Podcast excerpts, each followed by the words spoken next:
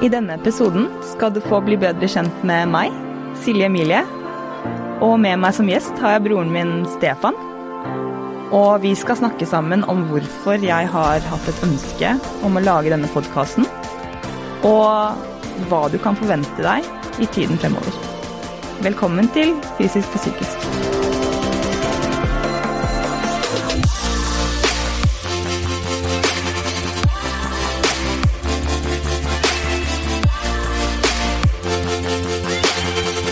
Jeg er så heldig å ha med meg tights.no på laget, som gir meg muligheten til å faktisk kunne lage denne podkasten, og det er jeg så utrolig glad for.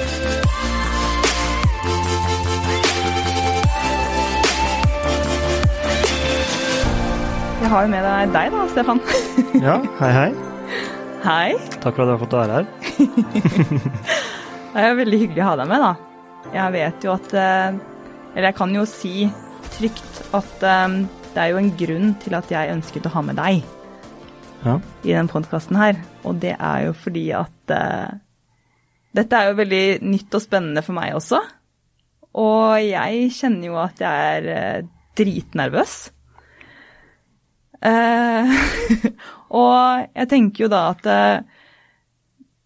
det å ha med den som kanskje kjenner meg best, etter min oppfatning, er kanskje den beste måten da å etablere hvem jeg er, og ikke bare hvem, hvem jeg er som folk ser meg utenifra, Silje, men hvem jeg er Hjemme? Heter det bak fasaden? er vi på fritiden? ja, på fritiden. Ja. Ja. Hvor du kommer fra, Ja. og hva du har gått gjennom. For det er jo ikke mange som vet om det. Nei. Eh, og du er jo ikke alene med å synes at dette er eh, kjempestressende og skummelt å være med på en podkast. Eh, for jeg kjenner jo på det også, og kan jo bare touche på det med en gang. At begge, vi, begge vi to har jo et forhold til presentasjonsangst. Noe vi begge to sliter med. Ja, jeg er redd for å prestere og få fort angst i situasjoner som dette her, da. Og det er viktig å få fram viktigheten å prate om dette her, belyse det. Og, og det er viktig også å, pushe de grensene. For begge vi to eh, har jo gått gjennom mye i livet. Ja, det kan man, det kan man tykt si. Eh, men eh, vi er jo først og fremst her for å snakke om deg, da. Hvor du kommer fra. Og du har jo ikke alltid vært så tynn og trent som du er, som du er i dag. Det, for det er sikkert ikke mange som vet. Jeg har heller ikke vært Det er også et tidspunkt jeg ikke var like stor. Nei, Så det også. Så vi har jo mange faser eh, jeg har vært gjennom i livet, og du har jo da vært vitne til eh, de fleste av disse, kan ikke kalle det begivenhetene, men du har jo vært da eh, ja, en, en utenforstående, men en innenforstående, på et sett og vis. Ja, For som vi snakket om tidligere, så, så er det jo ting du kanskje ikke vet, eller som du kanskje lurer på, også i forhold til meg. Og jeg har jo også masse jeg lurer på i forhold til deg, da. Men eh, ja, det kan vi jo ta i senere episoder også. Ja, eh, forhåpentligvis så, så vil det jo bli flere episoder hvor kanskje jeg er med framover. Eh, vi har jo snakket om et prosjekt Mm. hvor jeg skal bli med deg på trening, Ja. og, og du skal eh, eh, ja, få meg i form, da, og, og se hvordan det kan ha en innvirkning på min eh, Mm. og hvilken utvikling jeg kommer til å få ut av det. da. Mm. For jeg, jeg sliter jo med angst og depresjon til tider, og har jo ikke vært i fysisk aktivitet på mange år, vil jeg si. I hvert fall ikke ordentlig. Jeg har jo spilt tennis og, og av og til, men det er liksom en gang eh, annenhver uke maks eh, på sommeren, liksom. Eh, så, Og du er, jo, du er jo glad i å være aktiv, men det er jo veldig interessant, tror jeg, å gå inn på etter hvert som, som vi utvikler flere temaer for denne podkasten. Det kommer jo sikkert til å dukke opp mer og mer etter hvert. Eh, om hvorfor du ikke trener mer, ikke sant? Mm. Når du vet, du faktisk vet hvor bra du føler deg når du får trent. Ja. Ikke sant? Og det er jo sånne ting som kanskje en av de grunnpilarene til eh, hvorfor eh, jeg har ønsket å lage den podkasten også. Rett og slett hva, hva det fysiske har gjort for meg psykisk, men også hvordan det da kan hjelpe deg, da, og Ja. Det er jo det, altså hvis det er eh, Det er sikkert flere der hjemme som sliter med dette her med angst og depresjon og ikke føler at man strekker til når det kommer til eh, trening og andre ting. Eh, og andre ting i hverdagen kan jo være så mye som jobb og eh, familie, venner. Eh, man orker ikke, man har ikke energi eller overskudd til å gjøre noe. Eh, så så det, er, det er så utrolig viktig å ha folk i livet eh, som du er for meg, da og som kan få meg i gang og eh, forhåpentligvis eh, få skikk på meg, da. Ja, ja. Og gjøre at jeg kan, eh, kan komme i fysisk form og forhåpentligvis bli bedre psykisk, da. Eh, Og dette er jo et prosjekt som vi tenker at vi skal, eh, skal, eh, skal fortsette med i 2021. Mm.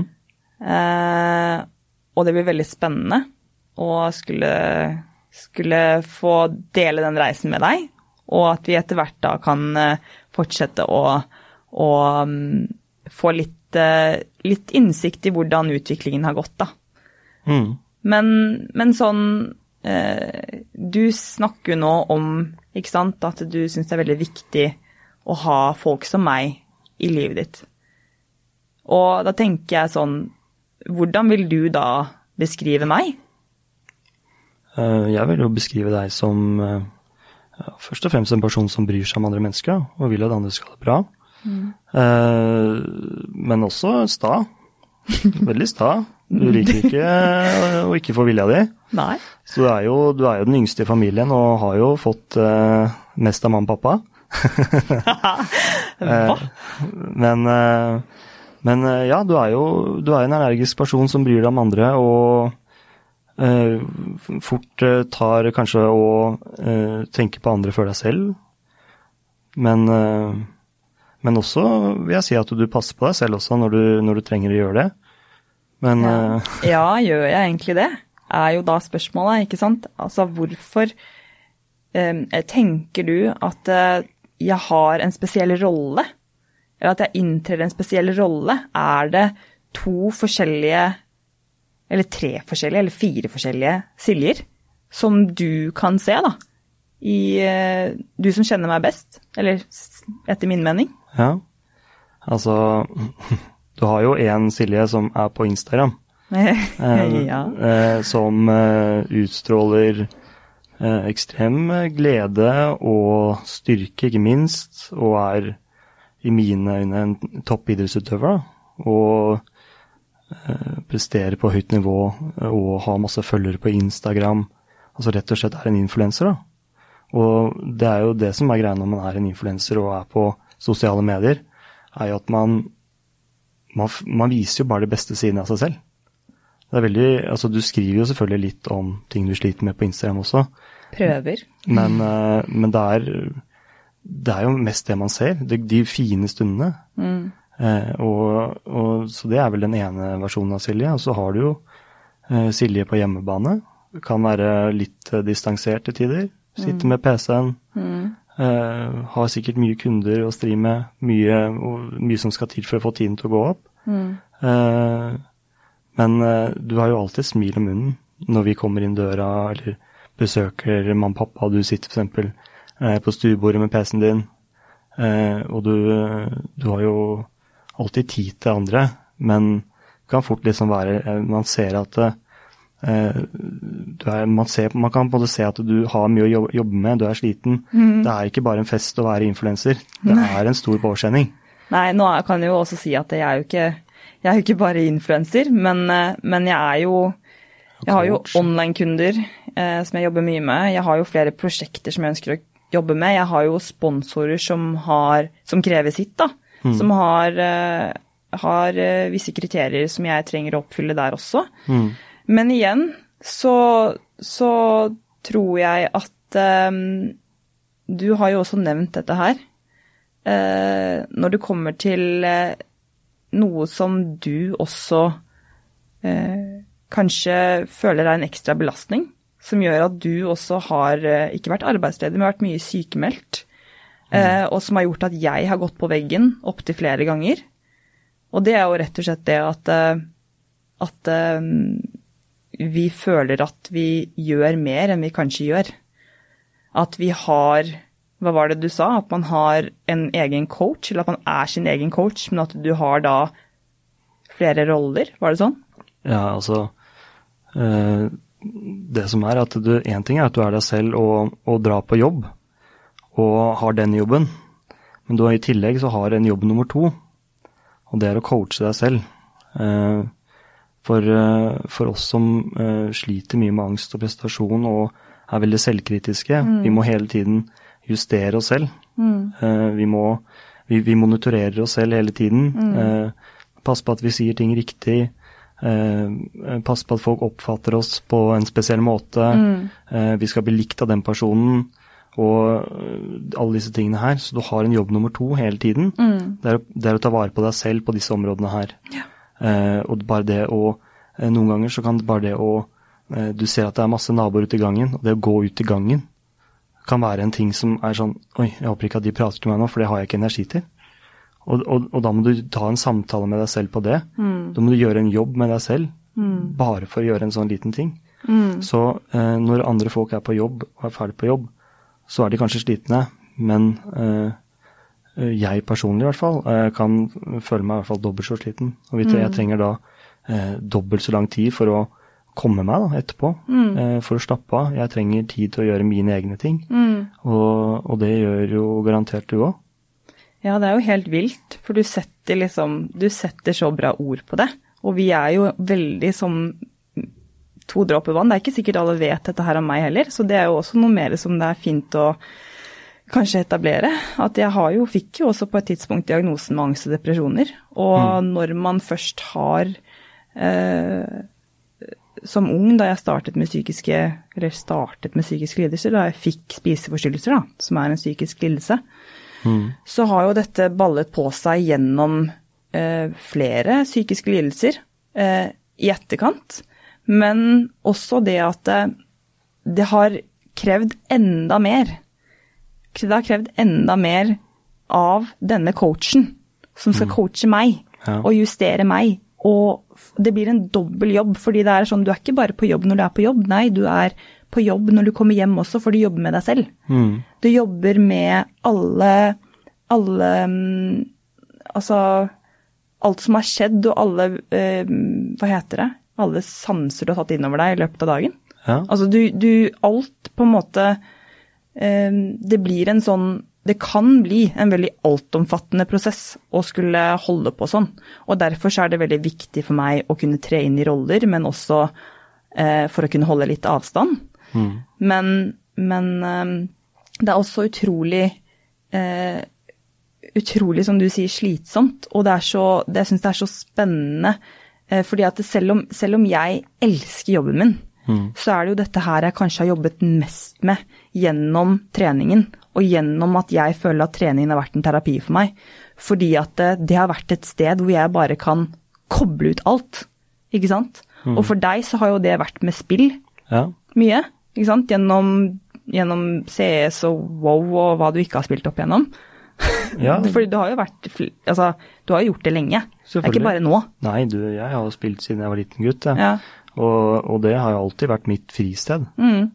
Det å kunne sette seg ned eh, på PC-en. Eh, du velger selv hvilken verden eller hvilken rolle du vil inntre i. Mm. Om du vil være eh, en trollmann i World of Warcraft, eller om du vil skyte folk i CS, da.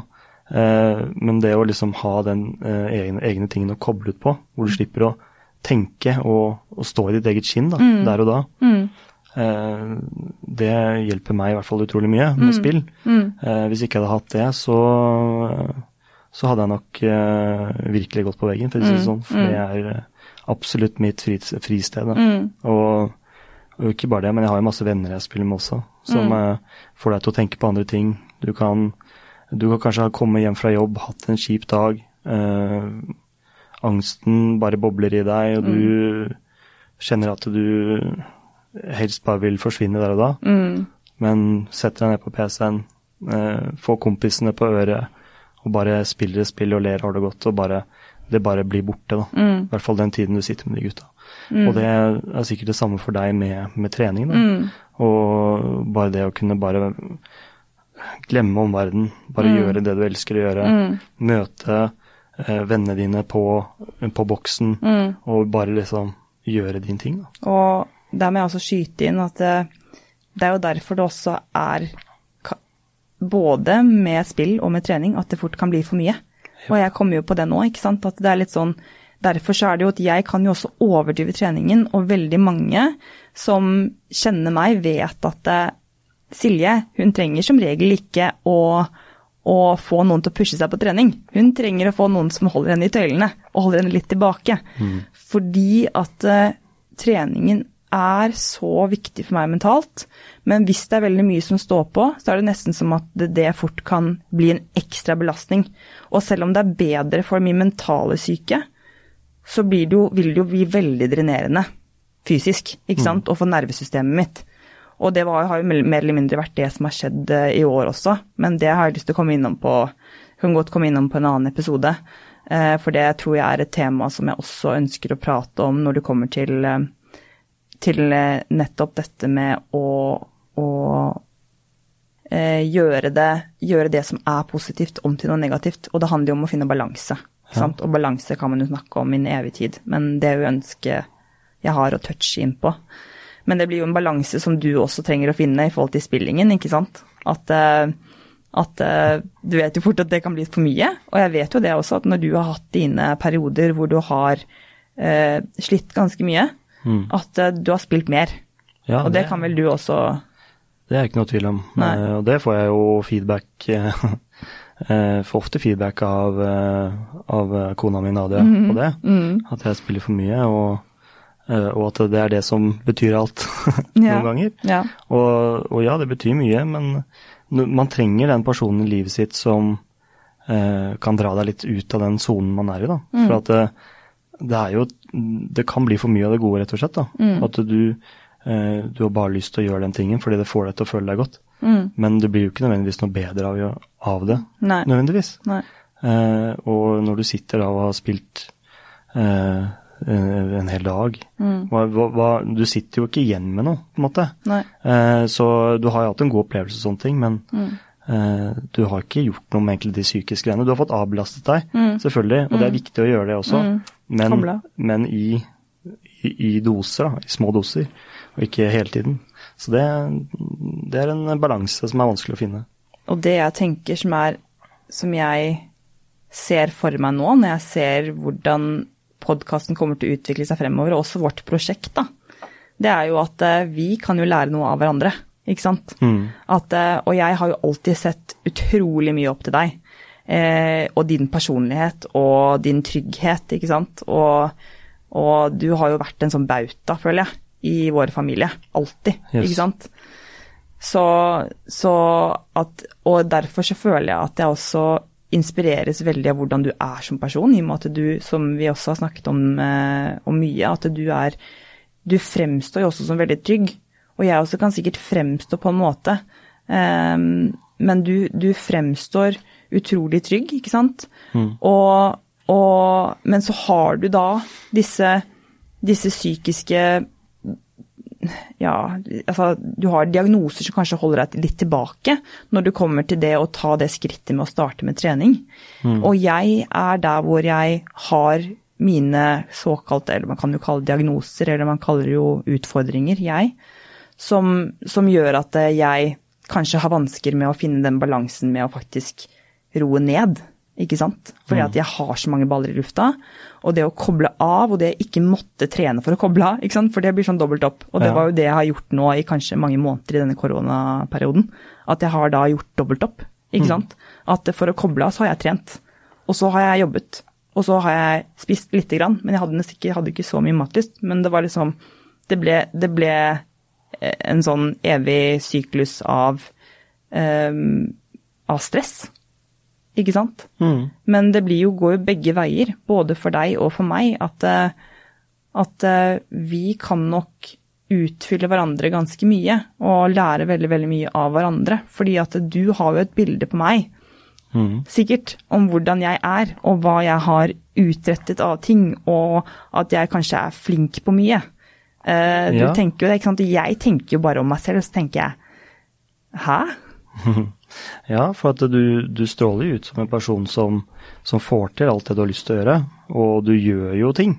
Det som er at eh, jeg føler at uh, jeg kan fort være flink til å prate om ting, men jeg gjør det nødvendigvis ikke. uh, mens jeg føler at du alltid har vært en person som Altså, eller uh, en del av familien, da, som liksom Du gikk på den gode skolen.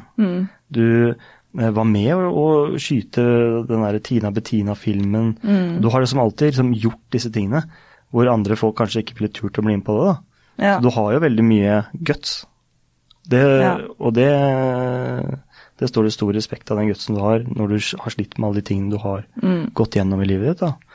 Eh, For vi kan jo gå litt tilbake, for at eh, når du var liten, så eh, må jo bare si det rett ut, du var jo kulerund, ikke sant? Du var jo ganske stor. Og det er så gøy, fordi at folk, folk tenker jo liksom Folk tror jo faen ikke på meg. Oi, sorry, nå banner jeg. Ja, det kan vi sikkert beepe ut. Ja. Men, men ja, du var jo det. Du var jo stor. Eh, Du, du var jo aktiv, selvfølgelig. Vi, altså, familien vår er jo eh, Mamma og pappa da, har jo alltid altså, Fra vi var små, så har vi blitt dratt med ut på skiturer og på hytta. eh, I tide og utide. Eh, noen var jo mindre, mer misfornøyd enn andre. Altså, du eh, hata jo dette her. Og du som yngstemann, ikke sant. Bestående, Jeg, å, jeg bestående bak. ja. Stakkars mamma måtte stå og vente med meg. Ja, for du Alltid følte, bakerst. Ja, du, du følte vel sikkert det, og, og jeg må jo innrømme at da, der og da som ung, så syns jo jeg også det var irriterende at du hang igjen. Eh, men det kunne jo ikke du noe for. Du var jo mye mindre enn oss, ikke det? Men også en plugg, da. Eh, så det var jo tungt for deg, ikke sant? Men det her kan man jo ikke noe for når man er liten. Nei. Eh, Jeg fikk jo skylda for alt når det kom til hva som var oppspist i huset, og det skjønner jeg jo fort når man ser hvordan jeg så ut. ja, det var lett å, å kaste den ballen på deg. Stakkars Silje. Uff a meg. Ja, men du, du, ja, du var, du var rund, og på et tidspunkt også farga håret rødt til og med, når du var ni-ti år gammel. Det, det vet Som ble jeg ikke spagettifarge etter hvert, Ja. som det ble kalt. Jeg vet ikke hvem som godtok det, men eh, det, Å herregud, det, det har jeg fortrengt. ja, det, det har ikke jeg glemt, altså. Så det, det var jo Ja, det er en annen historie. Men, eh, men du har vært stor, da, og, og, og slitt med dette her. Og du fikk jo mye tyn av meg og, og Stine, storesøsteren din også. Ja, Eh. det var ikke bare litt tynn, men ja. Ja, men vi som søsken og barn er, vi er jo ikke snille med hverandre. Nei.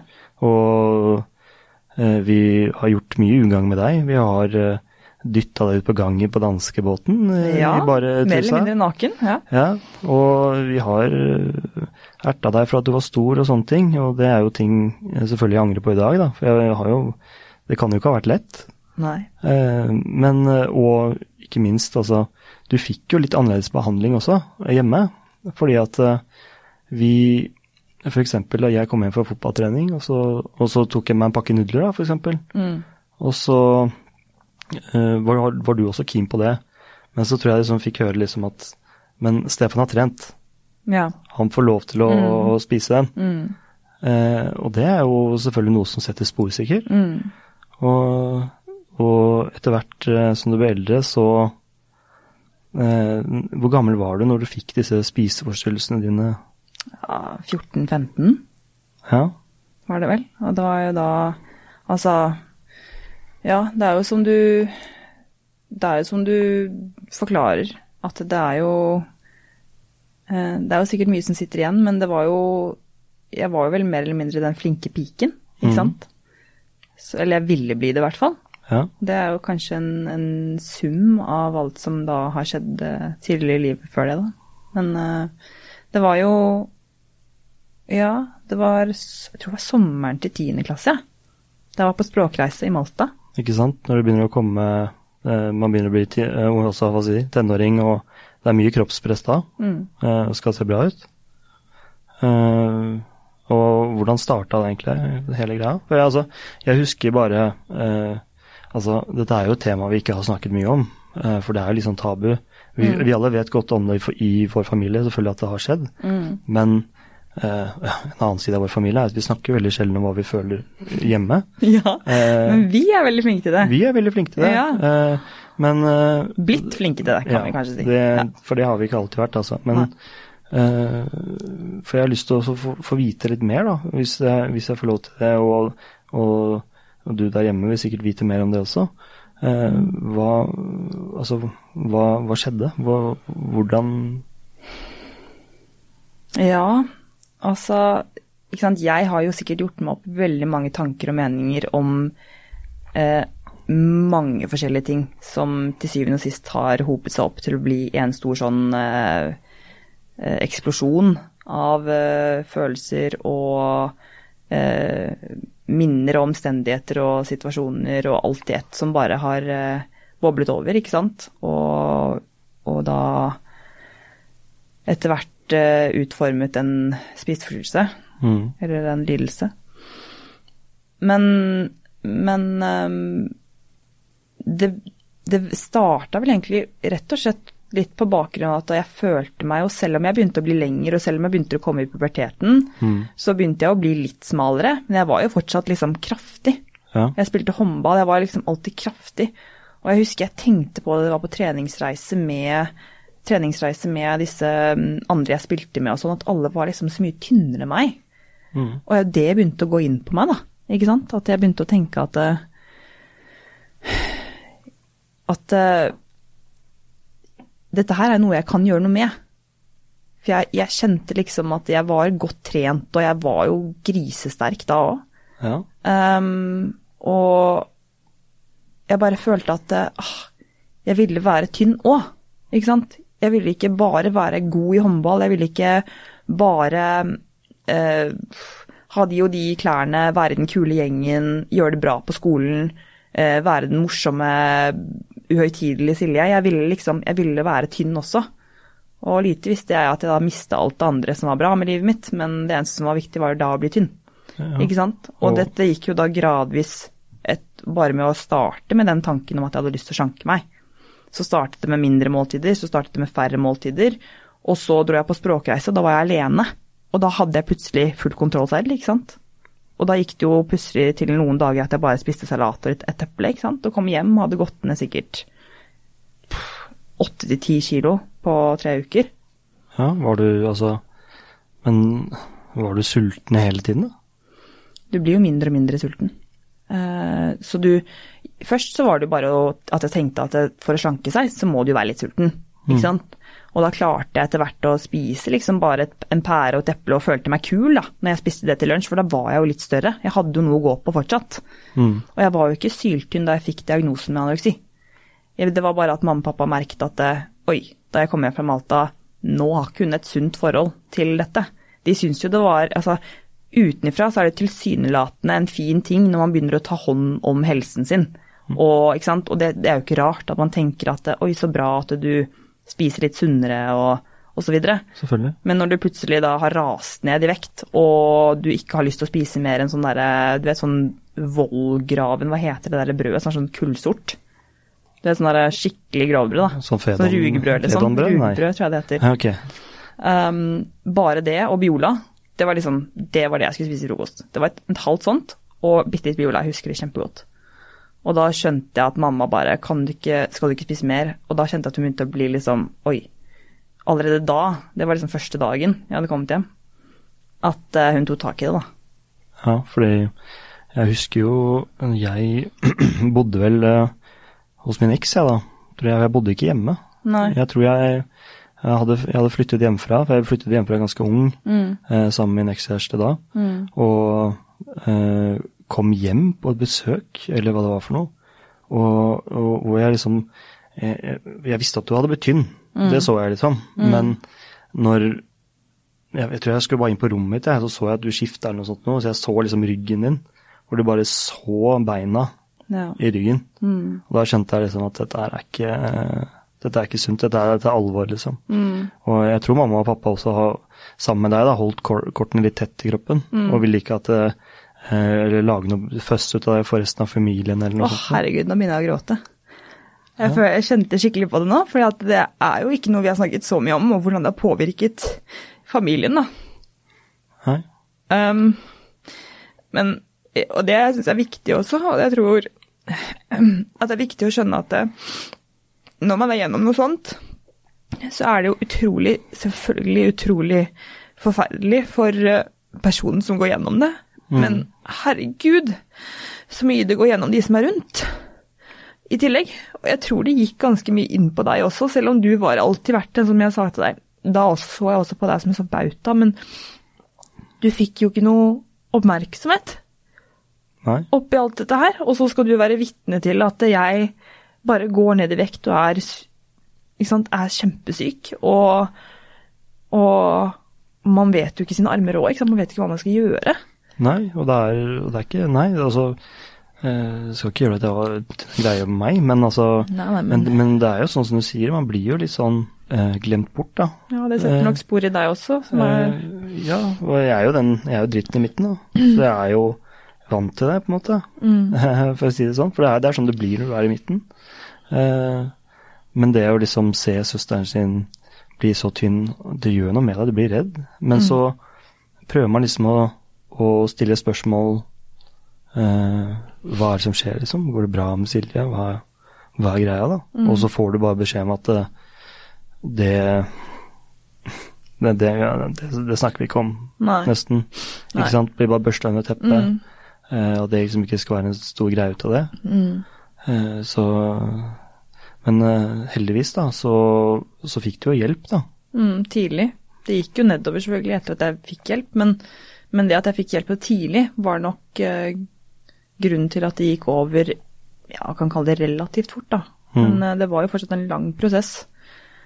Um, Hva, og hva, hvilken, hvilken prosess var det? Hva, altså, eh, det var selvfølgelig noen psykologer og sånn inne i bildet. mm, Eh, var det noe mer du gjorde for å bare måtte bare spise mer? Men, men altså, eh, en ting som kanskje ikke folk vet heller, er at du gikk jo fra denne eh, anoreksien da, Mm. over til en bulimi. mm, Eh, for, det- hvor du liksom latet som at ting var greit, Mm. men så fortsatte du da, Mm. i, i, i det stille for deg selv. mm. Og det er, jo, det er jo nettopp det også, at man er jo nesten for å touche inn på det vi var inne på med roller i stad. Mm. At du plutselig så begynner du å få en rolle. Ehm, fordi du mister jo deg selv i den sykdommen her. Ja. Du mister jo mer eller mindre personligheten din. Ikke sant? Du mister um, den du er, og de verdiene du egentlig har. Mm. Det blir bare helt blankt. Det blir borte. ja. Fordi at det er så krevende og så slitsomt for kroppen, og det tar all energien din. Ja, ikke minst at du skal drive og forsvare det for andre også. Ja, nettopp. du holder liksom en, dette her sånn Sykdommen blir som en sånn derre liten sånn derre altså, Bare noe ekkelt, liksom sånn, sånn sort liten guffe mm. som du har gjort til, ditt, til din baby, som du holder for deg selv liksom skjult, da. Eh, som du hele tiden går med. Mm. Og da later som at du spiser, Mm. eh, men da går, går og kaster opp og, og eh, alle disse tingene her. Det, det kan jo ikke ha vært lett. Altså, altså En ting er jo den, hva det gjør med kroppen din, ikke minst. da. At, ikke, at det, Du får jo ikke den næring, og det er jo ikke bra i det hele tatt. Men, men psykisk, da. Ja, det gjør jo veldig mye. Altså, men, men bare for å få det klart, så er jo det Det var faktisk ikke så uh, pågående. Altså, bulimien startet egentlig ikke før jeg begynte å se frisk ut. Nei. Og det er det ikke så mange som vet. Folk trodde at jeg kastet veldig mye opp, og fikk bulimi, eller mer eller mindre at jeg kastet opp da jeg hadde anoreksi og var på mitt tynneste. Det gjorde jeg ikke. Så hvis jeg spiste da, så brukte jeg veldig mye tid på å trene. Om natten, eh, på badet. Og da, da trodde jo kanskje, Jeg tenkte jo ikke over det, da trodde kanskje folk at jeg kastet opp på badet. Det jeg sto og gjorde, var å trene. Mm. Jeg sto seriøst og trente sånn aerobic-aktige greier inne på badet. Jeg har sånne små glimt av det, liksom. Og bare sto der inne og prøvde å, prøvde å bevege meg så mye som mulig, da. Ikke sant? Samme som når jeg satt på kino, hvis jeg satt med pappa satt på kino og spiste litt, så måtte jeg bevege meg i solen hele tiden, sånn at jeg kunne forbrenne det jeg hadde spist. Um, men det var ikke før det begynte å gå over til den at det, sånn ork, altså, når man begynte å skulle bli frisk, så var det det at oi, nå må jeg spille den rollen for at jeg ikke skal, skal bli satt i en bås, ikke sant? For jeg var så lei av den båsen anorektiske Silje. Mm. Um, eller spiseforstyrrede Silje, da. Og det var da, det var først da, bulimien begynte å bli et problem. Ikke sant? Ja. Det var da det begynte å bli bulimi. Det var da det begynte å bli at det, shit, mat. Da kan jeg ty til maten og spise uten å tenke. Ikke sant? Det blir en sånn flukt, det også. Og det blir jo veldig, veldig mye mer skam over det. Ikke sant? Jeg skjønner jo det, herregud, å drive og gjemme det at du kaster opp, liksom. Mm. Så jeg begynte jo å se mer normalvektig ut, og det begynte jo faktisk å holde på en stund etter at jeg begynte å bli normalvektig også. Mm. Så bulimi, ikke sant, den historien der er det veldig mange som ikke vet om, ikke sant. Mm. Så, så, så det er jo også, ikke sant, det var jo en slags utvikling fra det å ha anoreksi til å ha um, bulimi, til å se tilsynelatende frisk ut, Mm. men bare for at jeg ikke orket å påta meg mer det der ansvaret overfor alle rundt meg, for jeg er jo veldig empatisk, ikke sant. Mm. Så det, det tynget så sykt å se hvor mye det gikk utover alle rundt meg. ja, Ja, og så husker jo det, at mamma også ble jo veldig lei seg Mm. når hun fikk vite det, og det var jo ikke noe skjul på det. Nei. Eh, Men eh, Og etter hvert da, så klarte du å komme deg ut av den bulimien også.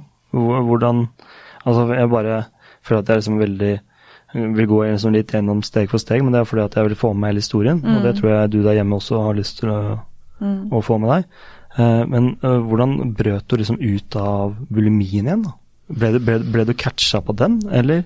Eh, For at jeg husker jo at det var et punkt at vi Jeg husker ikke hvordan det skjedde, eller hvordan jeg fikk vite at du hadde det, men det, på et eller annet punkt så dukka det opp, da. Mm. Eh, og, og du fortsetter å, å gjemme det da, etter det også, husker jeg. Mm. Eh, Det ble vel catcha på et eller annet tidspunkt, vil jeg jo anta. At man hørte det eller, eller lignende. mm, men hvordan ble det liksom, hvordan kom du deg ut av det? Hvordan, hva Det gjorde du? handler, vel, det handler vel om altså Det også er litt sånn vanskelig, fordi at det, det handler jo om det å at det handler jo Eller det handler jo egentlig ikke om maten. Det er det samme som en spiseforstyrrelse. Det handler egentlig ikke om maten. Det er bare at det er det som blir det du skal ha kontroll på. Og bulimien blir litt mer en sånn Det blir en ting til du skal ha kontroll på, men det blir eh, Det blir noe du mister kontrollen på. Og så blir det en flukt. Mm. Ikke sant? Og da blir det det å finne mentale teknikker som jeg tenker at jeg har lyst til å kanskje dra inn eh, fagpersoner til å snakke om, for dette er liksom litt eh, sikkert et tema jeg kan ha for en egen episode også, når vi skal snakke om eh, mer om spiseforstyrrelser. Ja. Men, men det blir, blir å finne mentale teknikker som da erstatter det å måtte Altså den tvangen til å skulle finne en escape i eh, maten. Ikke sant? Og bruke den på den måten. Eh, for det er jo det det handler om for meg. Så har det alltid handlet om det å eh, som vi snakket om i stad, bare det å koble ut på en eller annen måte. Ikke sant? Bare fordi at det er så mye jobb hele tiden med å skulle være gjennom en sånn utvikling. Um, både med det at jeg har jo hatt angst og depresjoner inni dette her, altså oppi dette her også, og i tillegg så er det jo liksom prestasjonsangst og kan jo bare ramse opp en hel liste av v- v- ting som jeg, som jeg fortsatt den dag i dag har en utfordring med, ikke sant? Ja, eh, Um. men eh, For du, du begynte jo å trene mye, ikke sant, etter hvert. Eh, og hvordan ble da måte trening eh, et verktøy da, for deg? Eh, for å, eh, ble det liksom det som fikk deg ut av den der psykiske eh, bulimiboblen da, du var i? Var det trening da, som, som fikk deg ut av det? Jeg vil ikke kalle det bulimiboblen, jeg vil kalle det spis... Altså, det var jo det som fikk meg ut Altså, det var det som reddet meg fra døden. Ja, Det var ikke Og bulimi, bulimi altså Bare sånn for å gå inn på det, så skal jeg uttale meg som en fagperson, men uh, bulimi, de fleste som har det, er normalvektige. ja, Så, så det blir jo litt mer den at det, det reddet meg jo fra å At hjertet mitt stoppet, mm, mer eller mindre. Um, fordi at eh, når jeg fikk den uh, mestringen som jeg fikk med trening, når jeg kjente på at selvtilliten min ble bedre gjennom å, å trene, og gjennom å, å utfordre kroppen på den måten som gjør at du plutselig føler at eh, du er verdt noe. mm, Det er mer eller mindre det det går ut på. At du føler liksom at fy fader, jeg er bra. Ja, Ikke sant? Og det føler du selv om du kanskje bare føler det på treningen og at det henger i litt etterpå, mm, så er det i hvert fall verdt det. Og da har du lyst til å gå tilbake. ja, Og det å føle på den mestringen og den selvtilliten som etter hvert bygger seg opp, hvis du klarer å jobbe med det mer og mer, til en god selvfølelse, Mm. så har du oppnådd ekstremt mye. Jeg jobber fortsatt med selvfølelsen min, men den selvtilliten som jeg fikk ved å trene, det reddet meg fra døden. Ja.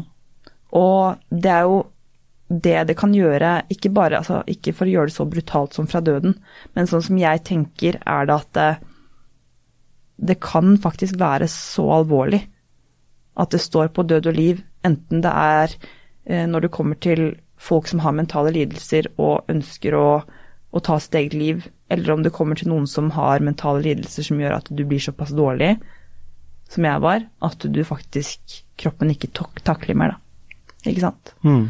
Eh, at vi da kan eh, Vi to f.eks. kan trene sammen.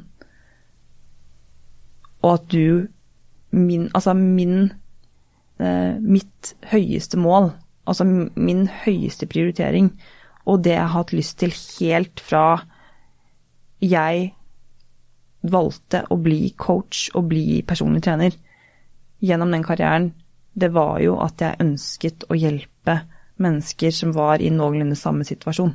Mm. Og det å kunne starte med prosjektet med deg, det ville bety utrolig mye for meg om du kan Jeg vet jo, jeg er jo ganske sikker, eller jeg er 100 sikker på at du kommer til å føle deg bedre ja. når du begynner å trene, ikke Det- sant? Det tror jeg jo, og, eh, for jeg har, jo, jeg har jo trent mye før. Ja, det er nettopp det, og da tenker jeg liksom Du har trent mye før, og du vet at det fikk deg til å føle deg bra.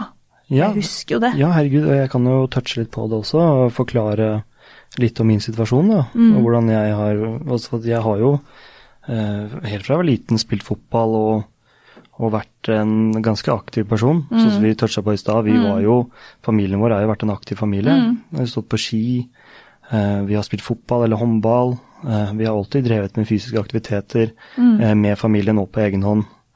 Og det har jeg jo holdt på med i mange år. Og jeg har jo spilt både golf og, og tennis, og jeg har til og med spilt hockey og basketball. Mm. Så jeg, jeg, har jo, jeg har jo vært en ekstremt aktiv unge. Du har danset mye, husker jeg. Danset, Veldig glad i å være oppmerksom på dansegulvet. Ja, det er, hvis jeg, du gir meg noen Tequila shots, så er jeg der.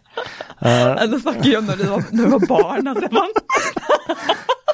Jeg snakker om, men jeg jeg, snakker om Barbiegirl, liksom. Da Ja. vi danset i Barbiegirl. Ja, det, det er fortrengte minner. Det er fra en annen episode. Men eh, Men, eh, men eh, jeg Jeg ble jo litt sånn Jeg var jo godt trent, holdt på en periode sikkert for åtte år siden, ni år siden, så, så var det jo det å dra på gymmen.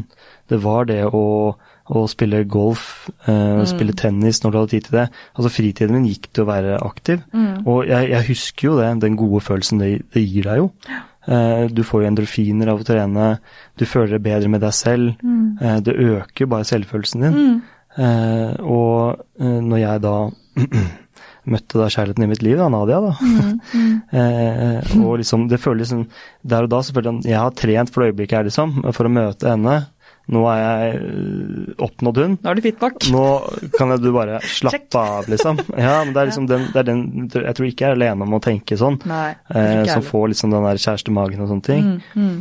Eh, og, og ble veldig ja, avslappet med, med meg selv, da. Mm. Eh, men, men fortsatt var jeg aktiv. Jeg ble jo ikke sånn eh, tjukk egentlig da, følte jeg. Men eh, i 2015 så, så ble jeg plutselig veldig syk. Jeg fikk eh, ekstremt vondt i, i lungene mine plutselig. Altså, Det kjentes ut som sånn stikking bak i ryggen først. Eh, og jeg er helt sikker på at det er sånn det føles ut som å bli knivstukket med en kniv. Ja. For det er, det er det vondeste jeg har opplevd i hele mitt liv. Ja. Eh, og det slutta ikke. Uansett hvordan du bevegde deg, reiste deg opp, strakk deg ut, så var den smerten der hele tiden. Eh, så jeg ble jo sendt på, eh, på legevakten, eh, hvor egentlig smerten plutselig hadde gitt seg når jeg var der. Så jeg eh, fikk egentlig bare beskjed om at det har sikkert fått en strekk eller noe sånt. Mm. Så du må bare hjem og ta noe smertestillende. Ja, det Eh, husker jeg veldig godt. Ja. Det var første, første gang. og så eh, dagen etterpå så starta det igjen for fullt, og det var så vondt. Tatt til legen min, sendt ned på eh, sendt ned på Bærum sykehus og tok en røntgen. Og det bare ser bare at det er bare lyser opp i begge lungene mine. Mm. Eh, og hvis det ble sendt til lungelegen der, og det de var redd for, var at det var dobbeltsidig lungekreft. For det er sånn kreft ser ut på bilder. Det lyser opp på røntgen. Ja, jeg husker det. Ja. Eh, så ble jo da fort da tatt videre til Rikshospitalet og eh, utberedt der eh, med, med diverse bronkoskopier og biopsier og gastroskopi. Alle pinene du kan nevne, har jeg tatt da, og fått sjekket meg. Men de, de, fant aldri ut av hva det var for noe. De klarte aldri å dyrke det fram. Eh, så, eh, men de fant jo til slutt ut at det her er jo ikke kreft, da. Eh, det er noe annet. Mm. Og i, i 2012 så hadde jeg jo vært i Sør-Amerika med en god venn av meg, Fredrik, hvor vi hadde utforsket litt pyramider og alle disse tingene her som vi var veldig fascinert av, mayaen og sånne ting. Mm. Og det var jo på et punkt vi var under en pyramide hvor det var flaggermus og sånne ting. Mm. Så de liksom, jeg tror de beit seg litt fast i det, da, at det var sikkert noe som var kommet derfra. Ja. Eh, at det kunne være noe sopp, da. Men de Ja. fant aldri ut av det. Men dette her var inn og ut av Rikshospitalet i hvert fall over et år, halv- ett og et halvt år. Mm. Eh, helt til de fikk beskjed om at ok, nå må vi bare eh, Vi må bare operere for å få ut en større bit av dette her, for å kunne finne ut av hva det er for noe. ja. Og jeg drar hjem, venter. Det går én måned, to måneder, tre måneder. Og eh, til slutt så sier liksom eh, Nadia "Mm, Stefan, hva skjer? Hvorfor har du ikke hørt noe ennå? Mm. Du må ringe og høre. Mm. Og jeg da, som er så beskjeden, jeg gjør jo ikke det? Så, men jeg gjorde det til slutt, da. Og jeg fikk beskjed om at oi, jeg, det, jeg ser ikke noe her på det. La meg ringe deg opp igjen. Så fikk jeg beskjed om at, eller basically at de hadde glemt meg, da. Jeg ble tatt inn igjen, øh, nye bilder, og fant ut at det, nå har det begynt å trekke seg litt tilbake igjen. Mm. Så nå må vi bare vente. Og så gikk det vel kanskje totalt to år, da, så var Vente. det ja. Så Jeg tenker meg helt ille. ja, og til slutt så ble det jo borte. Men i den perioden der så kunne jo ikke jeg være fysisk aktiv i det hele tatt. Nei. Og jeg var hjemme. Mm. Jeg var hjemme med meg selv hver dag mm. med de smertene her.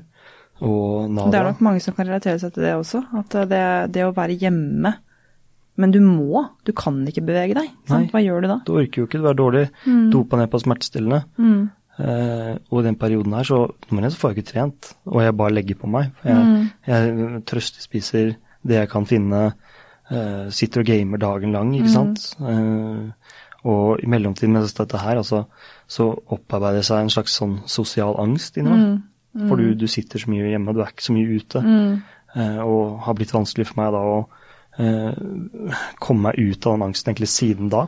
Så har jeg slitt med eh, ganske mye angst, eh, og da videre depresjoner, da. Eh, og Hvorfor tenker du at selv om du sier at det er denne hendelsen som gjorde at du fikk det, mm, men tenker du ikke at noe av det vi har snakket om frem til nå, det at du har vært liksom Jo, jo. Og, litt i midt, midt imellom, at du ikke har fått så mye oppmerksomhet, eller at det er noen andre ting der som ligger til grunn for at du faktisk har fått de psykiske problemene som du har? og jo, absolutt. Altså, jeg, jeg tror at det, eh, dette her er jo Jeg har jo alltid hatt en slags eh, eh, angst i meg.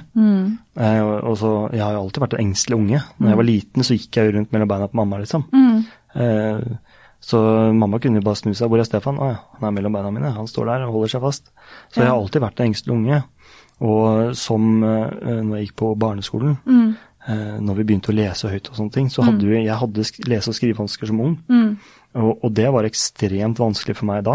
Og jeg ville ikke at noen skulle vite det. Jeg ville holdt det så hemmelig jeg kunne. Litt sånn som din bulimi, da, nesten. Ja. Så du vil ikke bli funnet Skam, det blir en skam, Ja, det er en skam. Mm. Du vil ikke bli funnet ut på det. Eh, og jeg gikk jo til logoped og sånne ting, og ble jo bedre, selvfølgelig. Uh, men, men det er liksom noe som jeg har tatt med meg videre i livet. da. Den skammen der, og uh, ikke minst presentasjonsangst. da. Ikke bearbeidet det, på en måte, Nei, i og det å liksom da skulle stå foran en mengde med mennesker og, og bare holde en tale, eller hva det er for noe, det, da får jeg full angst. Da får jeg eh, panikkangst, rett og slett. Da. Og det er nok fra den situasjonen jeg var liten. Men, men den hendelsen som kom da i 2015-2016, liksom eh, ganget det. da. Mm. For at eh, du sitter og roter i ditt eget hue, og får liksom ut til å sitte og kose deg i den komfortsonen din. Mm. Og da har jeg bare den angsten og alt det her bare mangedoblet seg. Eh, som har gjort det vanskelig for meg å komme meg 100 tilbake til jobb. Eh, jeg føler at, liksom ikke, at jeg når ikke til i livet.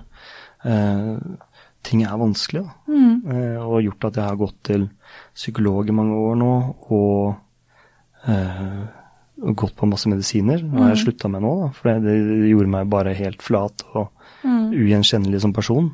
Mister jo identiteten din i sånne medisiner. Mm.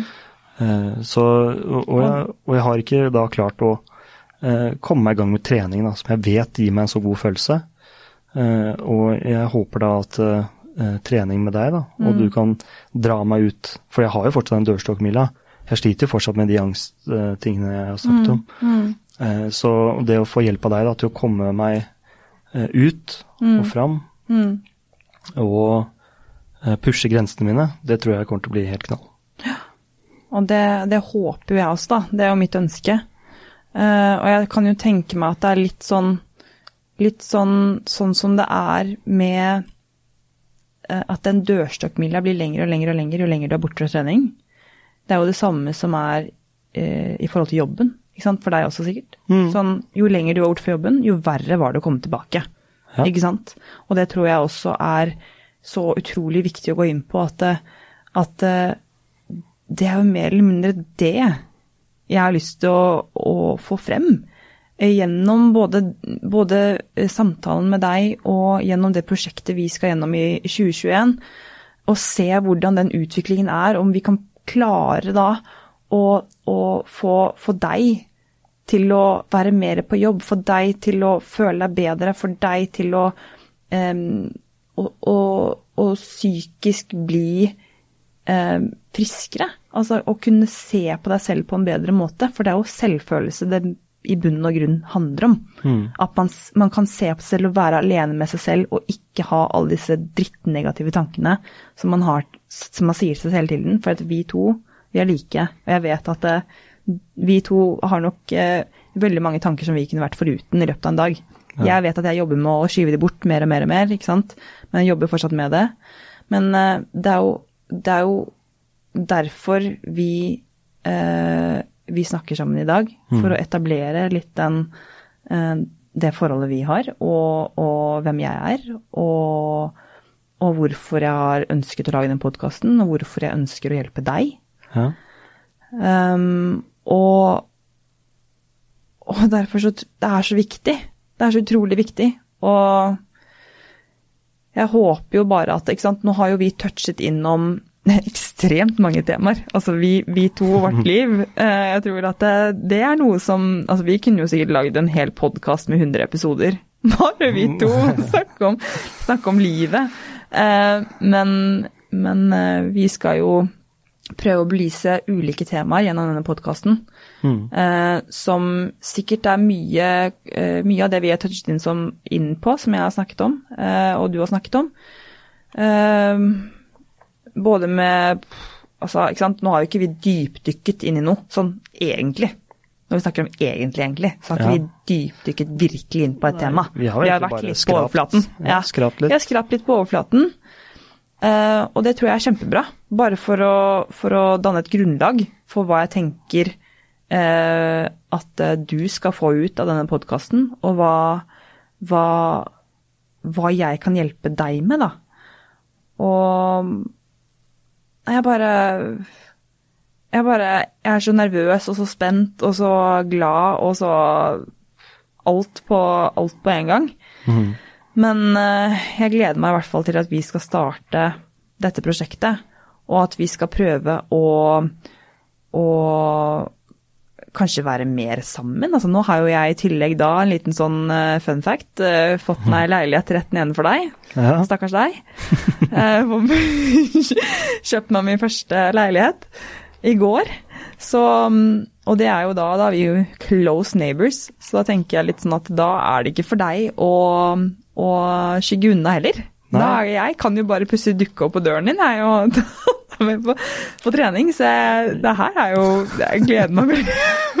gleder meg veldig. Vil du angre, da? Nei, Ja, det er det du gjør det. vet du. Nei, jeg gjør ikke Du kommer sikkert til å angre på ett tidspunkt, men det, så det går helt fint, fordi at eh, jeg er sta, som du sa innledningsvis. Ja. Men Stefan, vi kunne sikkert sittet her og pratet eh, i en evighet.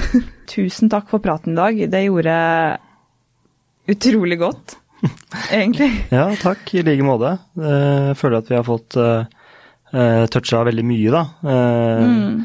Når det kommer til spesielt deg, og folk har blitt litt kjent med meg også, kanskje. Håper de har blitt kjent med deg òg. Uh, så blir det utrolig spennende med det prosjektet som kommer til å komme framover. Mm. Uh, og Og veldig spennende med podkasten òg, da. selvfølgelig, herregud, Må få litt skryt, Stefan. Ja, nei, du, det har uh, Jeg bare legge alle kortene på bordet og si at uh, jeg har uh, gruet meg i ukevis for å være med på dette her. Og når jeg sliter med den prestasjonsangsten og den angsten jeg har, da. Ja. Så Som er en egen podkast i seg selv, eller en episode i seg selv, at jeg også sliter med prestasjonsangst, som, eh, som vi snakket litt om. Ja, så jeg føler egentlig vi har klart oss å komme oss godt gjennom det her. Mm. Eh, jeg vil egentlig utfordre deg der hjemme til å i hvert fall prøve én Utfordre deg selv på én ting Mm. den uka som kommer nå. Gjør én ting du er litt redd for å gjøre. Mm. Prøv å utfordre deg selv litt, for det blir så mye bedre etterpå. Bryt komfortsonen din lite Mm. grann, for det, det kan bare komme godt ut av det, føler jeg. Mm. Absolutt. Superbra, Stefan. Mm. ok. Ha det. Ha det.